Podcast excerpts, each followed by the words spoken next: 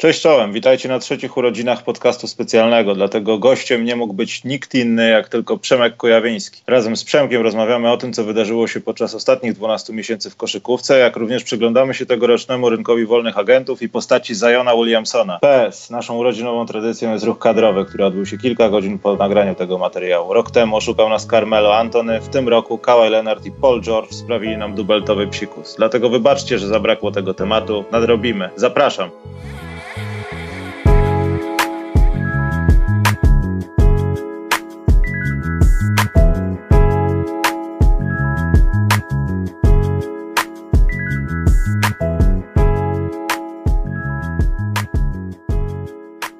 Cześć Przemek, witam Cię na trzecich urodzinach podcastu specjalnego. To nie będą huczne obchody, ale będą. Czy jestem co roku o tej porze? Czy... Dokładnie tak. Mało tego Przemek, tak przypadkowo wychodzi, że nieważne jak będę się starał nagrywać podcasty, zawsze po tej 11 jest 12 jest rocznica. To po prostu tak jest. Czyli co, tak to 12, działa. 12 rocznie robisz. Tak, tak na to wychodzi, no. Znaczy tak może nie do końca, ale tym między ostatnim odcinkiem no to będzie 12 różnicy. Stało się dużo rzeczy w międzyczasie. Znowu pewne osoby gdzieś poszły, ale o tym to pogadamy potem. Ale co się Przemek u ciebie stało przez ten rok? Dalej jesteś korpolutkiem, krzywa Dalej jest. Jest, zbierasz bogactwa, tak? Tak jest, dalej jestem korpolutkiem, nic się nie zmieniło. Mieszkam w Barcelonie, poca się jak świnia. Staram się nie narzekać na upały, tego typu rzeczy. Generalnie jest w porządku. Co mówi Przemek ulica na temat Nikoli Miroticia? A ulicy- nie, nie tylko Nikola Mirotic, generalnie w przyszłym, w przyszłym roku ja będę chodził dużo na Barcelonę, bo, bo się zrobiła tam porządna pacha, No, zbroją się panowie. więc będzie co oglądać. Może wreszcie Real położą, więc y, będę się wybierał.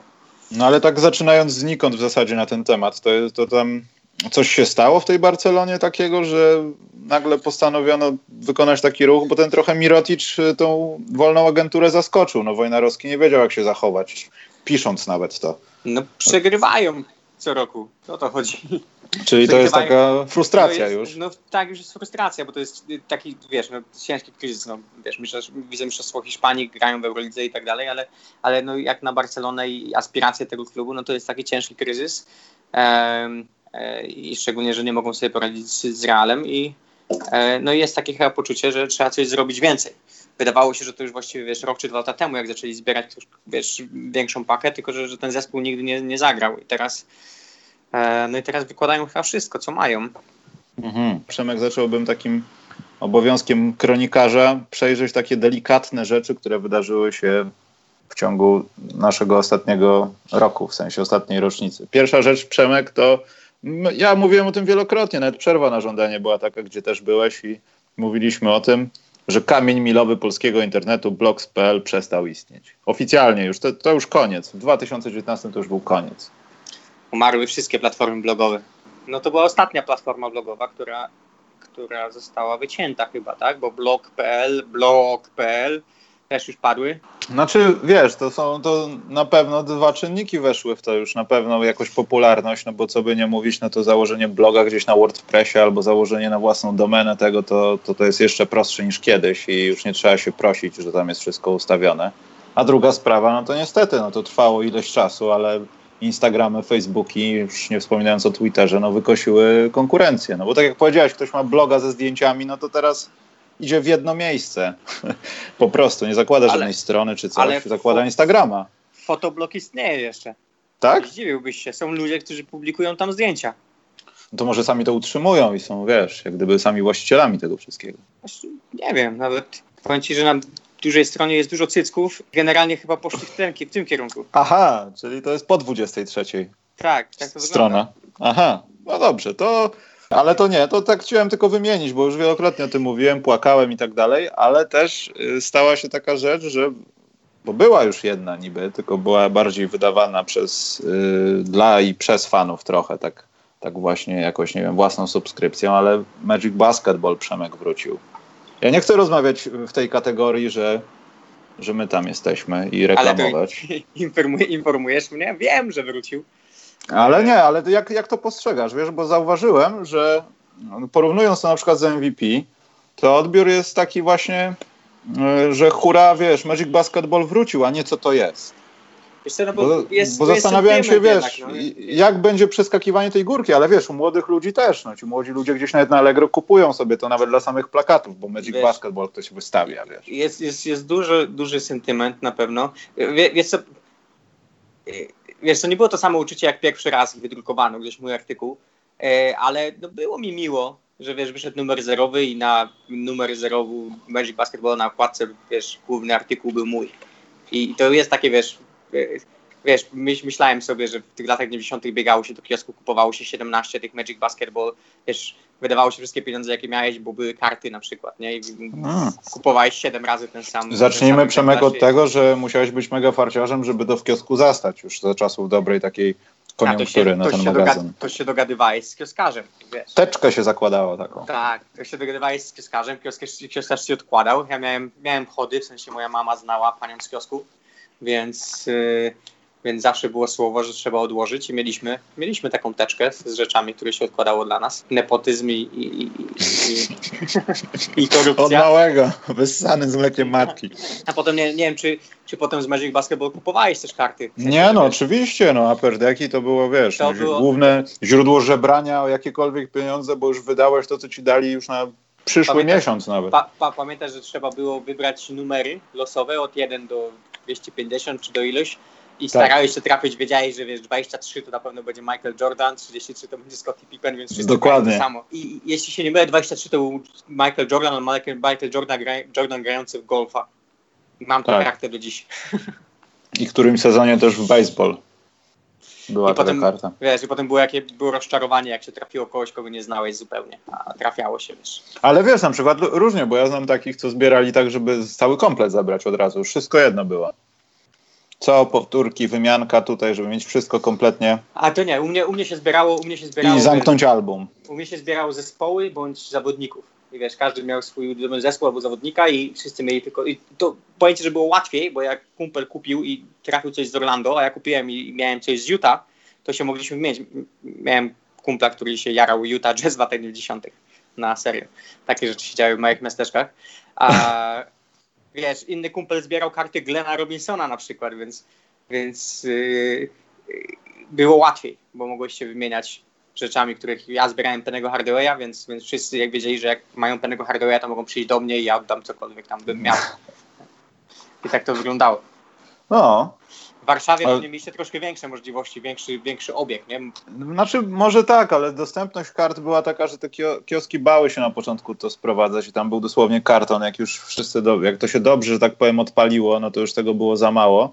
A poza tym ja pamiętam, że w Warszawie może to nie było, nie, no to chyba było w latach 90. Był taki sklep e, w centrum, gdzie sklep sportowy, tam wszystko było, od piłek do koszykówki po, po nart. I tam co jakiś czas, nie wiem, czy to było z własnej inwencji tego Ajenta czy coś, ale mm, pojawiały się pod szklaną ladą jakieś pojedyncze pakiety innych kart, że mm. wiesz, tam były jakieś topsy, jakieś A, tego typu rzeczy, wiesz, i tak były jakieś takie dłuższe te karty, inne, wiesz, no to dopiero mi pokazało skalę problemu że gdzieś w innych kioskach za granicą też dzieci latają za jeszcze innymi kartami, jest większy wybór. Mm. Ale to nie było takie łatwe do dostania i szczerze mówiąc bardziej to polegało na tym, że ktoś gdzieś dostał, kupił, był za granicą przez chwilę, także to też. No nic, ale wiesz co, bardziej ten Magic Basketball właśnie ty napisałeś o Dirku Nowickim chyba, tak? W tym zerowym. Tak jest. Ja pamiętam, że Dirk Nowicki, no może nie był pierwszą postacią, która pojawia się w Magic Basketballu, ale Dirk Nowicki jakoś tak mi zapadł w pamięć przez ten Magic Basketball. Bo pamiętam, że tam był duży artykuł o tym, jak on, jak on niby nie był koszykarzem, ale jednak zrezygnował z tenisa i tam był pełny opis gościa, którego w zasadzie już wtedy można było odbierać, wie, że tu i teraz będziemy go oglądać, on jest z Europy i kiedy będzie polski koszykarz. To tak wyglądało w ten sposób. I tak patrząc po latach na to, no to powiem Ci, że to naprawdę robi wrażenie, no pod warunkiem, że to przeżyłeś właśnie kupując w kiosku w tym 90 którymś już nie pamiętam a, a, numeru. A tak z ciekawości, jakie były nakłady w latach 90. Magic Basketball? Masz Nie wiem, tam, tam gdzieś jakie było to napisane to w ogóle, ale to było gdzieś chyba nie w dziesiątkach tysięcy. Wiesz co, no jestem ciekawy, no bo wiesz, tak mojej pamięci to był szał i tego wiesz, nie brakowało i wszyscy to kupowali, ale wiesz, może to wciąż, bo pe pewnie wciąż była nisza jakaś tam. Tam przez pewien moment był, był e, napisany nakład z tyłu e, na okładce, a potem on chyba znikł albo został przesunięty już kompletnie gdzieś takie odmęty stopki i tam było to zasłonięte reklamą. Natomiast ja pamiętam, że no nawet gdyby poszukać jakieś stare numery, można byłoby znaleźć. Mm. No i mam nadzieję, że to jakoś tam pójdzie, że ludzie zaczną czytać magazyny jakiekolwiek o koszykówce, nawet o bobslejach. bo prasa elektroniczna nie jest dobra. Stwierdziłem, Przemek, że ja nie mogę, nie potrafię. Nie umiem, no po prostu nie da rady, no. Wiesz co, ja, ja, lubię papier też i myślę, że jest dużo ludzi, którzy lubią papier i lubią, wiesz, sobie usiąść, otworzyć coś, co pachnie i czy, czego można dotknąć i tak dalej, tylko rzecz w tym, że na tym papierze ten kontent musi być jednak dobry. W tym sensie, że, że to musi być coś takiego, że chcesz to sobie zostawić na później, a nie, że przeczytasz i wyrzucisz. Bo jeśli to będzie coś, co przeczytasz, przeczytasz i wyrzucisz, to, to, to jednak ludzie będą czytali na telefonach, wiesz, na czytnikach i tak dalej.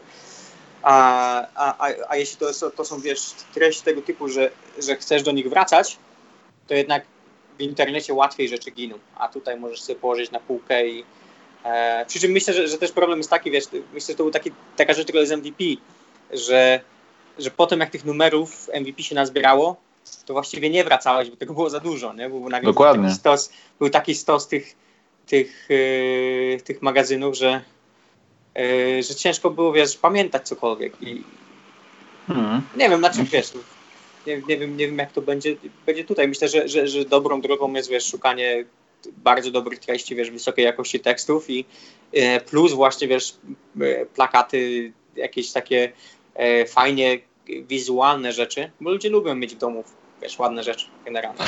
no, kto nie lubi, a poza tym, wiesz, E, sposób podejścia do tego, że wydrukujemy tyle, ile kupicie, jest dobry, no bo wchodzenie tak. w jakieś układy z kioskami w dzisiejszych czasach i w ogóle kolportażem tego, to hmm. miałoby się z jakimkolwiek celem, bo to już nie, nie no dzisiaj. Tak, no, w tej chwili to jest właściwie artykuł kolekcjonerski. To, hmm. Tak można też na to patrzeć i tak dalej. Jeśli będzie więcej osób chętnych, no to właściwie super w tym momencie. I, wiesz, no ja, się, ja się zawsze cieszę, jak taka inicjatywa powstaje i, i, i jest y, coś takiego się dzieje, bo y, może też jakaś taka starodawność, nie? Że, że, że lubisz mieć coś fizycznego w ręku. Mam nadzieję, że, że potrwa to trochę. Ciekawe, co będzie na urodziny czwartego, ten, czwarte urodziny podcastu specjalnego Przemek. Czy będziemy bo to, mówili bo to już w, tym, w, ty, w, tak a propos, w tym roku byłoby 10 lat MVP magazynu. Tak, tak. Tylko nie wiem, czy na jesieni jakoś bardziej. Na jesień, na jesień mm. wyszły pierwsze numery, chyba październik, listopad. Tak mi się ile wydaje. Lat, I ile lat przetrwał magazyn? No, może 7, bo tam były takie urywki, kilka numerów, hmm. nieregularnie, może coś koło tego. No, i tak. no ale to i tak długo. I, i, ile, jeśli możesz, wiesz, podzielić się, ile w najlepszych czasach były ten, były nakłady? No to bywało różnie, ale to momentami gdzieś tam mogło zahaczyć jakieś 10 tysięcy egzemplarzy, z tego co pamiętam. Może trochę ponad. Jesteśmy w podsumowaniu roku, więc może zostańmy na chwilę w Polsce, bo ja mam wiele pytań dotyczących amerykańskiej koszykówki, ale czy Przemek obserwowałeś przez ten ostatni rok polską koszykówkę? Znaczy ligową bardziej? Niedużo. Niedużo. Ale... Śledziłem, znaczy w playoffach śledziłem wyniki, ale nie jest tak, że oglądałem coś. A jakieś, jakieś zauważyłeś rzeczy, które były, na, że było lepiej? Czy że... Co, ale co znaczy, co znaczy lepiej? No nie wiem, że coś według Ciebie było lepszego niż w zeszłym sezonie pod względem organizacyjnym, bo no bo sportowym chyba był sezon lepszy. To, nie, to ciężko mi powiedzieć. To nie, nie, jestem w stanie się wypowiedzieć nawet na ten temat, bo nie... nie no nie wiem, nie miałem, myślałem, nie miałem, że... No nie wiesz, tyle koszykówki polskiej łykam, co widzę na, na Twitterze, jak ktoś coś wrzuci. Jak ktoś coś wrzuci ciekawego, to zobaczę, ale, ale nie jest tak, że, że śledzę cokolwiek. Eee, wiesz, jestem, teraz jestem ciekawy, jak będzie, bo, bo były zmiany, tak? Tak. Spore w, w, z tego, co widziałem. E, plus e, no, nadszedł chyba ten mityczny sukces reprezentacji. E, tak no trzeba nazwać pewnie. I, i, i, I może wiesz, nie będzie wymówek więcej, bo, bo to była mantra zawsze, że, że kiedy przyjdzie ten mityczny, ten, ten sukces reprezentacji, to wtedy koszykówka wróci na należne sobie miejsce i tak dalej, i tak dalej. E, no i chyba myślę, że, że, że wiesz, że udział w Mistrzostwach Świata to już jest, już jest coś. I teraz nawet, będzie, nawet wiesz, w tych niepełnosprawnych eliminacjach trzeba powiedzieć. A, no. I teraz jeszcze będzie jakiś przyzwoity, wiesz, nie, niech będzie, że wyjdziemy z grupy na Mistrzostwa Świata, no to, to, to, myślę, że nie będzie wymówki, w sensie, że a teraz, teraz potrzebujemy medalu albo coś takiego. No chyba, że to chodziło o medal, no to w tym momencie wiesz, że jest Znaczy Przemek, lata, pewnie, umówmy się, wymówka zawsze się znajdzie, tylko kwestia jest taka, czy będziemy musieli szukać tej wymówki. Nie chcę doczekać momentu takiego, jak nagramy czwarte urodziny, że będziemy traktowali to jak może trochę teraz niektórzy to traktują, że to już jest sukces sam w sobie, awansować po tylu latach e, do Mistrzostw Świata na imprezę takiej rangi. Mhm. I też jest to łączenie tego, że ten sposób eliminacji był niepełnosprawny, że tak naprawdę no, złośliwi mogą powiedzieć, aczkolwiek no, ten mecz z Chorwacją, która była no, raczej w stanie pełnym, pokazał, że może tak nie jest, ale że no, my mogliśmy tam awansować tylko i wyłącznie przez to, że ekipy, które z nami grały, po prostu ich najlepsi zawodnicy w tym, w tym momencie nie mogli być w reprezentacji z przyczyn hmm. klubowych. Bądź też zdrowotnych, ale bardziej klubowych. I nie chciałbym doczekać takiego momentu, że na tych mistrzostwach świata po prostu oddamy wszystko zbyt łatwo.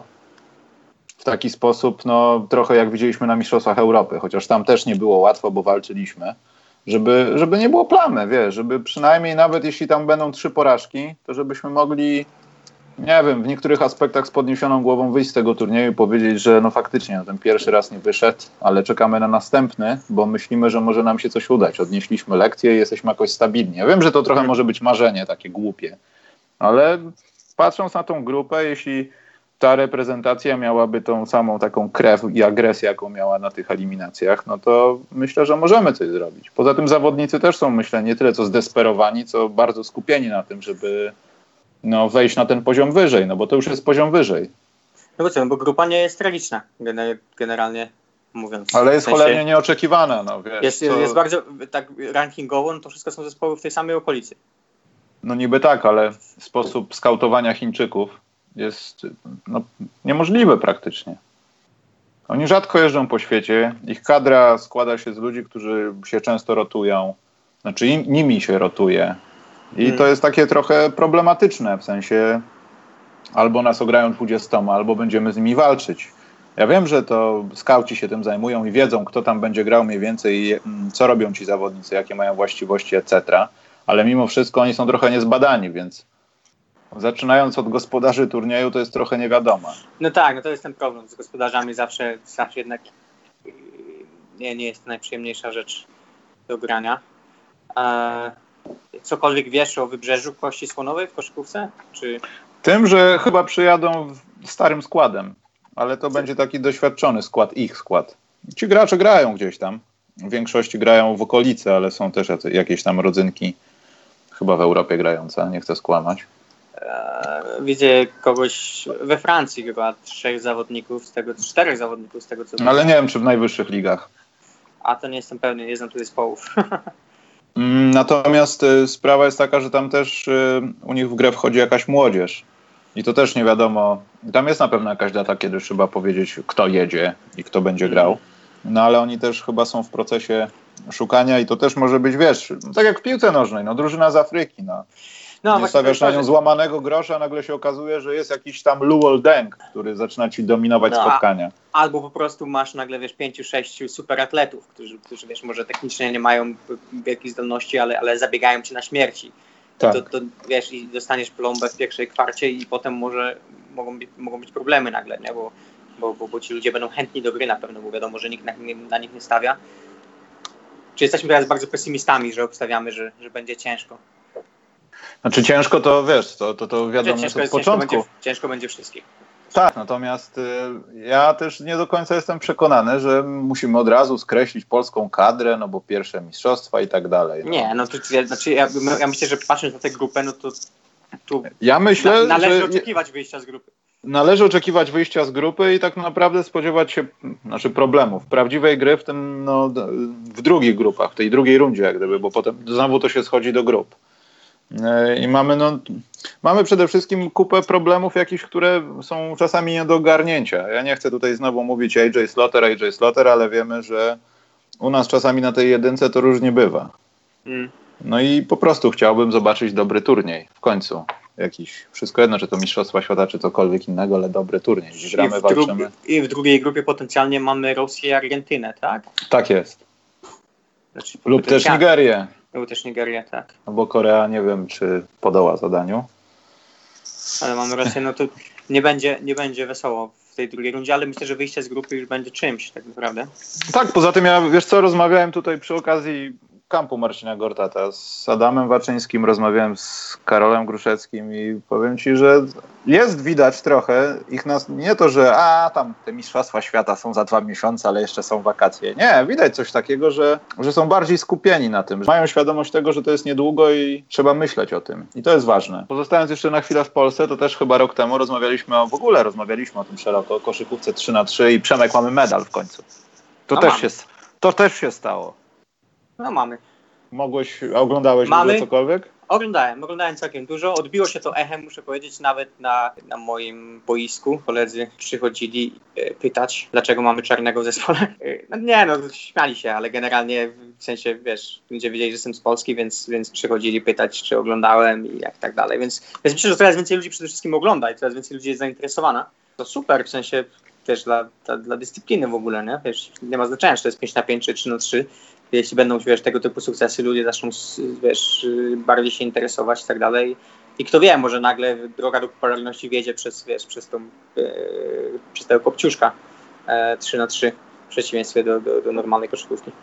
Tak, i no to też y, widać postęp, no bo ta organizacja polska 3 na 3 ona tam rośnie od kilku lat i początkowo sobie tak średnio radziła. Ale złośliwi powiedzą, że Michael Hicks wygrał Money in the Bank ten cały turniej Ale, i że cały progres jest do dupy. Ja wiem o tym, ale No, trzeba się trochę, cieszyć z tego. tro, trochę o to chodzi, nie? Że, że w koszykówce 3 na 3 musisz mieć kogoś, kto, kto, kto fenomenalnie gra jeden na jeden i kto jest w stanie zdobywać punkty z dupy właściwie e, i wiesz, trafiać rzuty takie, jak on trafiał. E, A no przede wszystkim, wiesz, przepraszam, być konsekwentnym, bo jeśli oglądałeś mecze Polaków, to na pewno widziałeś momenty, których nie było w highlightach. Michael Hicks prowadził czasami budowę domu z cegieł. Tak, tak, no tak, no tak, tak. On tak, wiesz, bez sensu rzuty, na siłę rzuty, kompletnie niewytłumaczone niczym. Gość jest, można podać. Rzadko się zdarzało, kiedy był pod taką presją, że już musiał rzucić i nic się nie dało z tym zrobić. Ale przez większość czasu to była cegielnia. Ale ja wiem, że to trochę charakterystyka tej koszykówki Ale 3 to, była, 3. ale to, to była chyba też strategia Polaków generalnie. Nie, wiesz, nie, nie widziałem, żeby, nie wiem, e, żeby, żeby reszta, reszta składu miała jakieś wielkie pretensje do niego. Nie, Nie, nie, no na, na, pewno chodziło o tym, żeby, żeby Hicks po prostu rzucał, oddawał rzutem, my będziemy murować tam i starać się zbierać, jakoś zastawiać Dokładnie. piłkę, walczyć tam. To tak, ale ja też jestem ciekaw, jak, co pójdzie dalej za tym. No w sensie, to, no, to, to, to, to Hicks to jest Polakiem, wiesz, ale on nie będzie do 80 grał w tej No kadrze. tak, no, no wiadomo, to jest jedna rzecz. Druga rzecz, że, że patrząc na to, że wiesz, on ma tyle lat, a nie ma innego polskiego zawodnika, który miałby wiesz, to szaleństwo w sobie. I, to jest, to jest z jednej strony to optymistycznie patrzeć na to, że zdobyliśmy medal, z drugiej strony wiesz, fajnie by było, jakby tam koło niego był jakiś wiesz, 19-latek czy 20-latek, który, e, który szaleje podobnie, w sensie nie boi się rzucać, nie, nie boi się wiesz, grać na driblingu e, i próbować wiesz, szalonych rzeczy. Tak, no i Przemek Zamojski cały sezon przegrany i jeszcze wlecie do tej kadry, także to też jest trochę znak, sygnał tego, co powiedziałeś. No, Pewnie oglądałeś też inne mecze i tak dalej. Czasem jest to ciężkie do oglądania. No sensie, nawet że wiesz, bym nie powiedział czasem, tylko przez, można powiedzieć, pierwszą połowę tego meczu nawet. spodziewasz się tutaj jakichś indywidualnych zagrań, jakiejś, wiesz, koszykówki ulicznej, nie? Wiesz, ludzi, ankle breakerów i tak dalej, a to jest po prostu pewnie przez ograniczenie czasowe, przez to, że to jest wiesz, 14 sekund, tak, na rozegranie akcji i- i nie ma tak naprawdę czasu na to, żeby, żeby, żeby spowolnić, tylko szukasz od razu rzutu za trzy, no i to też ma sens oczywiście, no bo masz dwa punkty w stosunku do jednego, więc, więc oczywiście większość rzutów powinna być za, za, za dwa punkty w tym momencie, a, ale, ale myślę, że dla popularności jest to ciężkie i teraz jeśli przyjdą do tego jeszcze lepsi ludzie, którzy będą trafiali na jeszcze lepszych procentach i, i właściwie będą trafiali, wiesz, z bardzo daleka, e, że, że wiesz, typu Steph Curry, jeśli nagle zaczął grać w 3 na 3 e, i wiesz, i, i nie podchodziłby nawet pod linię, tylko rzucałby gdzieś tam, wiesz, spod połowy, w sensie spod, spod linii końcowej. Pytanie, czy, czy da się to uczynić bardziej efektownym wtedy? W sensie, wiesz, bez wsadów, bez driblingów, tylko z samymi rzutami z dystansu. To, to da się oglądać do pewnego momentu, ale myślę, że wiesz, w normalnej koszykówce ludzie na to narzekają. Moje takie laickie spojrzenie, podejrzewam, że są ludzie, którzy się jarają bardzo mocno koszykówką na 3 na 3 i, i, i bardzo im się to podoba. Ja mam trochę problem z tym, że, że to jest, wiesz, zbiórka oddam za trzy, zbiórka wybiegam, rzucam, szukam rzutu, zbiórka wybiegam, rzutu, szukam rzutu i tak dalej. Jest, Mhm. jest tak naprawdę mało, wiesz, starć. E, Też, też widziałeś, nie było na tych mistrzostwach dużo ludzi, którzy tak naprawdę potrafili, wiesz, kogoś, z, kogoś e, zrzucić z siebie driblingiem. Tak, poza zazwyczaj- tym Przemek, no ta reprezentacja Serbii, no, która do niedawna łuciła wszystkich i robiła z ludźmi co chciała. No, w zasadzie dalej trochę tak jest, ale już coraz mniej. To była po prostu siłownia. Piłeczka No tak. do środka, zmiażdżyć parę osób za plecami i gramy dalej, no. No bo jeśli teraz, wiesz, wyobraził sobie, czy Kyrie Irving przyszedł, wiesz, ludzie by przy nim nie ustali, ale też sędziowie pozwalają tutaj na więcej, wiesz, może więcej kontaktu niż, niż w normalnej koszykówce. No i teraz, znaczy ja podejrzewam, że ludzie, którzy się, wiesz, tym zajmują, już się zastanawiają, jak, jak uczynić ten sport bardziej efektownym. W sensie, żeby wiesz, znaczy, ale mo, może to tylko moja personalna, może tylko moja personalna opinia, ale, ale dla mnie byłoby to dużo bardziej efektowne, jeśli byłoby dużo więcej gry jeden na jeden, w sensie takiej, że faktycznie byłyby takie pojedynki, że gra by pozwalała na to, że jest gość, kozłuje przez chwilę, patrzeć się w oczy, wiesz, jak na normalnym boisku, gdzie nie masz ograniczenia czasowego na, na, na, na, na rzucenie. Tutaj te 14 sekund wymusza to, że szukasz jak najszybciej rzutu, szukasz jak najszybciej, najszybciej rzutu za, za dwa i, nie ma, może gdyby nie było rzutów za, za dwa punkty, może gdyby było 3 i 2, może gdyby było, nie wiem, 4 i 3 na przykład, więcej ludzie by się pakowali pod kosz i tak dalej, byłoby więcej tego typu akcji, nie wiem. Ale A może Przemek to jest kwestia tego, że musiałyby się pojawić indywidualności, w sensie... No tak, no myślę, myślę Co musiałoby się też stać z drugiej strony, żeby Amerykanie byli postawieni przed punktem, że nie grają Maddoxem, który występował w Polsce, tylko proszą już kogoś, kto powiedzmy nie był w meczu na mecz gwiazd, ale powiedzmy był jakąś tam gwiazdą, miał dobre występy, dwa, trzy sezony, dostał kupę kasy za przepłacone kontra. Albo, albo wiesz, no jakiś Jason Williams, wiesz, 45-letni. E, I mówię tutaj nie o Jasonie Williamsie, który strzelił swojemu szeferowi w twarz, a... On a pokazywał białej... strzelbę znajomym, Przemek. a, o białej, a o białej czekoladzie e, Jasonie Williamsie. Wiesz, może, może, może tego, typu, tego typu gracze by się... I wiesz, no i teraz pytanie, czy, czy tego typu gracz czy, czy nie wiem, teraz chodzą bo oczywiście cały czas po Twitterze różnego rodzaju highlighty, były gracze NBA, wiesz, typu Mario Chalmers i tak dalej czy, czy Amerykanie tego typu graczy by nie ściągnęli? Na przykład, tak, tak. I to wtedy już by wzmogło konkurencję. Inne kadry, które by walczyły o większe cele, też by musiały pójść tym tropem. Pójść Albo po lepszych tam... zawodników jeszcze. Amerykanie by wystawili Katino Mobleya. Śledźmy to dalej, Przemek, bo ja myślę, że ten brązowy medal to nie jest koniec, tylko taka jedna rzecz mi przyszła teraz do głowy, że jeśli chcemy oczekiwać od tej dyscypliny nie tego, żeby była takim, nie wiem, dodatkiem do ciastka, tylko była tym ciastkiem, to musimy też jakoś zastanowić się nad sposobem rekrutacji tych reprezentacji. Ja wiem, że są zgrupowania, zjazdy, bierze się określoną grupę osób y, pod decyzję i tak dalej, ale że to, żeby to było jakieś szersze albo, nie wiem, zakończone turniejem, że najlepsza drużyna 3 na 3 w Polsce po jakimś turnieju jest kadrą Polski na przykład. Wiadomo, musiałaby się składać z Polaków, etc., ale myślę, że to też byłby jakiś sposób, Nie, żeby szybko do tego dojść poziomu po prostu. Wiesz, że to się zastanawiam, jakich zawodników byś potrzebował, bo, bo, bo, wiesz, są reprezentacje, które cały czas stosują ten klasyczny, wiesz, klasyczny podział, że, że, że mają jednego właściwie wysokiego, jednego skrzydłowego, jednego rozgrywającego. Ale, mm. ale generalnie no, chyba w 3 na 3 szukałbyś free and D właściwie, wiesz, trzech graczy, którzy ciepają truje i którzy bronią. I no pewnie. Wiesz, po 2 metry, 2, 3, 2, 3, 2, 2, 200 cm, 203 cm wzrostu. Eee, i, i, I jednego, olbrzymiego, jednego olbrzymiego, nieruchawego, brzydko mówiąc, centra, który by tam stał i po prostu się no, odwracał w odpowiednich momentach. Pytanie, czy naprawdę potrzebujesz takiego centra? Jeśli wiesz, jeśli nagle masz, masz trzech graczy, e, trzech graczy, którzy rzucają za trzy i którzy, którzy bronią, wiesz, czy potrzebujesz jakiegoś mamuta po 2.15? Nie, nie, nie, jestem pewny, szczerze mówiąc, czy, czy byś potrzebował takiego gracza i czy, czy w tym momencie to nie byłoby za duży problem krycie trzech takich ludzi, jeśli wiesz, byś wystawiłbyś dwóch dwóch skrzydłowych, jednego, jednego, e, jednego centra przeciwko trzem skrzydłowym, no to teraz jeden skrzydłowy jest cały czas niekryty. Czy jeden obrońca, czy, czy, czy jakkolwiek go nazwiesz, czy nowoczesny wingman. E, w jaki sposób ten wysoki ma go bronić teraz, nie? I wiesz, i, mówię, ja, ja ustawiam, że tak to się skończy, że to będą zespoły, gdzie będzie czterech graczy po podobnym wzroście, o podobnych umiejętnościach, bo tak naprawdę nie potrzebujesz, no nie potrzebujesz tam rozgrywającego, co do centra możesz się kłócić, no bo na niektóre zespoły to starcza, że masz mamuta pod koszem i ten mamut tam, wiesz, dominuje tę strefę i zdobywa punkty i tak dalej. Co mi przyszło do głowy, właśnie się zastanawiałem, co było jakby, wiesz, Amerykanie wystawili szaka na przykład, czy, czy, czy, czy ten szak byłby w stanie zrobić różnicę przeciwko wiesz, w większości zespołów, że wrzucasz mu piłkę pod kosz, on się obraca i, wiesz, samą masą ciała ściąga ludzi, nie? Wiesz. Ostatnio Szak chyba właśnie mówił, ktoś mu zadał takie pytanie, nie pamiętam dla której strony, ale to było chyba Bleacher Report albo Komplek. Czy Szak dałbyś radę w dzisiejszej koszykówce, jakby ktoś do ciebie zadzwonił, powiedział, dostajesz kontrakt, graj u nas, co byś zrobił i tak dalej. On powiedział, że fizycznie i tak trochę kondycyjnie to by dał radę na 15 minut i część tych ludzi by przewracał pod koszem w dalszym ciągu, bo powiedział, że nawet jest teraz silniejszy, bo chodzi na siłownię i już po prostu dba o to, żeby mieć duże ręce, nic więcej. Natomiast on wie, że nie nadawałby się do tej koszykówki, bo on nigdy i nikt nigdy nie nauczyliby go rzucać z dystansu. Wiesz, nawet nie, nie chodzi tam rzucanie, patrzę, rzucanie z dystansu, że wszystkim, wiesz, z Szakiem na parkiecie grałbyś w ataku 5 na 4. Tak. Nikogo by nie powiedział, że Szak tam stoi. Tal stałby sobie w trumnie i teraz miałby grać przeciwko Embiidowi i co? Embiid miał, wiesz, czysty rzut w każdej, w każdej,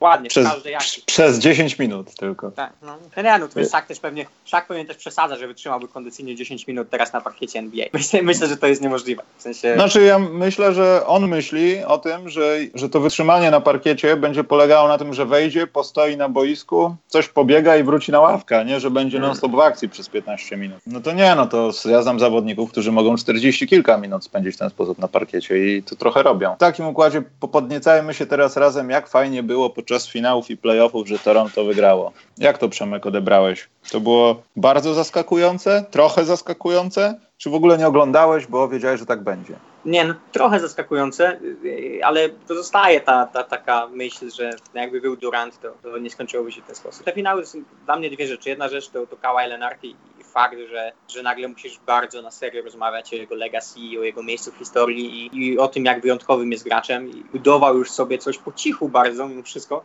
zbudował sobie naprawdę niesamowity case do tego, żeby go traktować już gdzieś tam, wiesz, bardzo wysoko w historii jako, jako gracza NBA. Są głosy, że, że, że jest najbardziej podobny do Michaela Jordana graczem od czasów Michaela Jordana na przykład i tak dalej, wiesz, tego typu rzeczy. Więc, więc to, to jest jedna rzecz, że, że Kawhi Leonard no, miał jednak fenomenalne te playoffy i, i to, to właśnie jego wskoczenie na ten wyższy poziom i to, że, że jest w stanie być liderem mistrzowskiego zespołu i i kto wie, być może jeszcze będzie MVP ligi i tak dalej, jeśli, jeśli będzie miał jakiś zdrowszy sezon. A, a druga rzecz to, to jednak taka plama trochę na, na legacji Stefa Karego i to, że, że to była, wiesz, fenomenalna opcja dla niego, żeby pokazać, że to jest mój zespół i, i ja jestem w stanie ten zespół przerzucić za górkę nawet w takiej bardzo ciężkiej sytuacji, kiedy, kiedy wiesz, Clay Thompson ma problemy zdrowotne, kiedy Kevin Durant nie gra. I wiesz, próbował to zrobić, no miał ten, ten, ten, ten, ten mecz na 40 kilka punktów e, przegrany, ale mimo wszystko wciąż brakuje mu tego jednego występu, wiesz, no, ma trzy mistrzostwa, e, nie ma żadnej nagrody MVP finałów i, i, nie miał tak naprawdę spektakularnych finałów żadnych. Nie, nie było tak, że Stephen Curry robił takie rzeczy, jak potrafił robić w sezonie regularnym. I myślę, że to mu zostanie na zawsze zapamiętane, że, że, że, że niby był liderem tego zespołu, być może najlepszego zespołu w historii, e, a mimo wszystko w najważniejszych momentach e, gasu. I, I to, co się z, nie zdarza tym największym zawodnikom, i to, co pokazuje Kawhi Leonard, że, że, kiedy przyszedł, przyszły te najważniejsze momenty sezonu, to, to były fenomenalne. Więc, więc myślę, że to są dwa, dwa takie tematy, wiesz, jeśli chodzi o, jeśli chodzi o mistrzostwo. E, wiesz, Ale wiesz co, może... tak a propos tego Karego, mm. to wiesz co, wydaje mi się trochę, że ja sam też wezmę to na siebie, bo też trochę to tak odbierałem, ale może to jest tak, że to ludzie wmówili Karemu, że ty jesteś super gwiazdą, a tak naprawdę on nigdy nie chciał, nie chciał tego statutu. Chciał być tym normalnym gościem, który po prostu dobrze gra w kosza, rzuca świetnie za trzy punkty i zdobywa tytuły mistrzowskie, bo siła jest w liczbach, jak to mówi slogan Warriors. No tak, I tak no. to wyglądało w pierwszych sezonach. Był Clay Thompson, był Steph Curry, był Draymond Green, był Andrzej Gudala do tego i oni bili w mordę wszystkich ludzi tym, że są nowi na tym rynku i są tą grupą osób, a nie pojedynczymi jednostkami. Te pojedyncze jednostki wychodziły w określonych spotkaniach, ale mimo wszystko oni byli razem. I nagle pojawienie się Kevina Duranta mogło spowodować, nie wiem, nie chcę powiedzieć przecięcie dobrej atmosfery, ale doprowadzenie do takiego dysonansu, że mieliśmy coś ułożone, nasz taki ład domowy, nagle jest coś lepszego, ale nie możemy się do tego przyzwyczaić. I to było widać w tych meczach, zwłaszcza w playoffach, kiedy już dosłownie Kevin Durant musiał ciągnąć drużynę. Ja wiem, sytuacje zdrowotne i tak dalej, ale on to musiał robić, on nie miał wyjścia, bo gdyby nie to, to oni by skończyli przygodę z playoff znacznie wcześniej. No ale to właśnie wiesz, o to chodzi, że, że Stephen Curry powinien być tym zawodnikiem. Nawet wiesz, wi wiadomo, no to jest jeden z tych takich e, pewnie najbardziej imponujących liderów. Człowiek, który zgodził się na przyjście innej supergwiazdy z swojego zespołu, człowiek, który wiesz, trzymał ten zespół jednak. Pewnie tylko Tim Duncan był podobnego rodzaju liderem, o którym wiemy, wiesz, że, że człowiek, który trzymał raczej szatnie w szatni niż na zewnątrz szatni. Fakt, że Stephen Curry się zgodził na to, żeby, żeby Durant przyszedł i nie miał najmniejszego problemu i to był, wiesz, jednak bardzo płynne przejście do, do zespołu dwóch supergwiazd, zespołu jednej supergwiazdy i tak dalej. E, myślę, że to jest taki niedoceniony aspekt tego, jakim liderem jest Stephen Curry i jakiego, wiesz, jaka była jego rola w, w tym zespole. Niewiele innych supergwiazd e, tak naprawdę e, nie zniszczyłoby tego, co Warriors zbudowali, myślę. Myślę, że, że w takiej podobnej sytuacji większość supergwiazd jednak rozbiłoby to od środka i, i sama osobowość Stefana Karego sprawiła, że ten zespół przetrwał, że awansował do pięciu finałów z rzędu. Myślę, że, że w tej chwili to nie wygląda, wiesz, jakoś tam spektakularnie, my się do tego przyzwyczailiśmy, ale za parę lat będziemy na to patrzeć jako na coś naprawdę, wiesz, no, niesamowity wyczyn. Pięć finałów z rzędu na zachodzie i wiesz, mówimy tutaj o LeBronie Jamesie, że to było osiem finałów, no ale to były jednak dwa, dwie zupełnie różne drużyny. Natomiast ten sam zespół, jako że przetrwał ze sobą i grał w pięciu finałach z rzędu, to jest coś i myślę, że to jest coś, co też zawodnicy NBA będą, będą bardzo doceniali z perspektywy czasu, bo, bo, bo ci, którzy grali w zespołach mistrzowskich, wiedzą, jak trudno jest utrzymać tę samą motywację, tę samą zgodę, tę samą chemię w, w szatni. To jest zazwyczaj ta historia tych zwycięskich zespołów, że coś się zaczyna psuć że już drugie, trzecie mistrzostwo przecież w czwartym sezonie Miami Ray Allen, LeBron James, like, wiesz, ci ludzie, którzy się lubili tak naprawdę między sobą mówili, że to był najgorszy sezon dla nich też personalnie. E, Warriors jakoś to przetrwali i myślę, że większa, oczywiście że zasługa w tym Steve'a Kera, ale większość zasługi w tym jest, jest tak naprawdę Stefana Kerrego. E, więc to jest taki niedoceniany aspekt tego, tego, kim jest jako lider. E, ale z drugiej strony brakuje mu tej wisienki na torcie jednak. Brakuje mu tego, że, że wchodziłby na wyższy poziom, a musimy pamiętać, że, że to jest gracz, który jako jedyny w historii zupełnie zdominował jeden sezon e, i wygrał MVP jednomyślnie. E, i, i, I wiesz, pokazał, że, że, że jest w stanie zdominować ten sezon. To, to był, w pewnym momencie myśleliśmy, że, że Stefan Curry złamał koszykówkę w tym sezonie, w tym swoim drugim MVP sezonie kiedy, kiedy, kiedy po prostu wiesz, no, no, robił zupełnie co chciał, gdzie niszczył wszystkich. To się nigdy nie przełożyło na playoffy. Część to oczywiście zdrowie, część, część być może charakter, ciężko powiedzieć. I, I myślę, że to była taka niespotykana okazja dla niego. Tutaj bez Duranta, z, z Klejem Thompsonem z problemami, przeciwko, wiesz, Kawajowi i tej drużynie, e, drużynie Toronto, żeby y, zaprzeczyć wszystkim krytykom. No i to się nie stało i być może się już nigdy nie stanie i, i, i być może to zrzuca, wiesz, Stefana Karego z, E, z potencjalnie top 10 w historii koszykówki do, do, do top 25 może. Tak brzydko odeszliśmy od tematu Toronto i zaczęliśmy mówić o Durancie, ale mamy I takie... Jest, I to no? jest, to, to, tylko, że tylko cię przerwę, to jest następna rzecz, że to są, mało kto mówi o mistrzach i myślę, że też zostanie zapamiętane, że... No właśnie. Niedużo mówimy o Toronto, a którzy dokonali przecież czegoś niesamowitego mimo wszystko, wiesz, odprawili po drodze e, najlepszy zespół w sezonie regularnym ligi, z MVP ligi w składzie, po czym odprawili, wiesz, tych Golden State Warriors i zakończyli dynastię.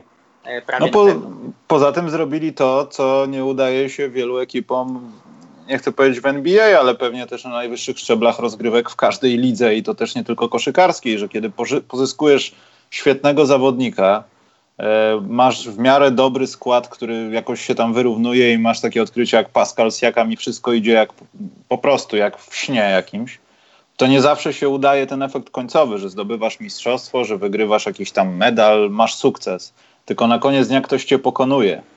I no, to jest też... W NBA oglądaliśmy to wielokrotnie, wiesz, ktoś przychodził świetny do nowego zespołu, nagle się okazało, no nie wiem, nie chcę porównywać, ale trzygłowa Hydra z Miami, pierwszy skok był nieudany.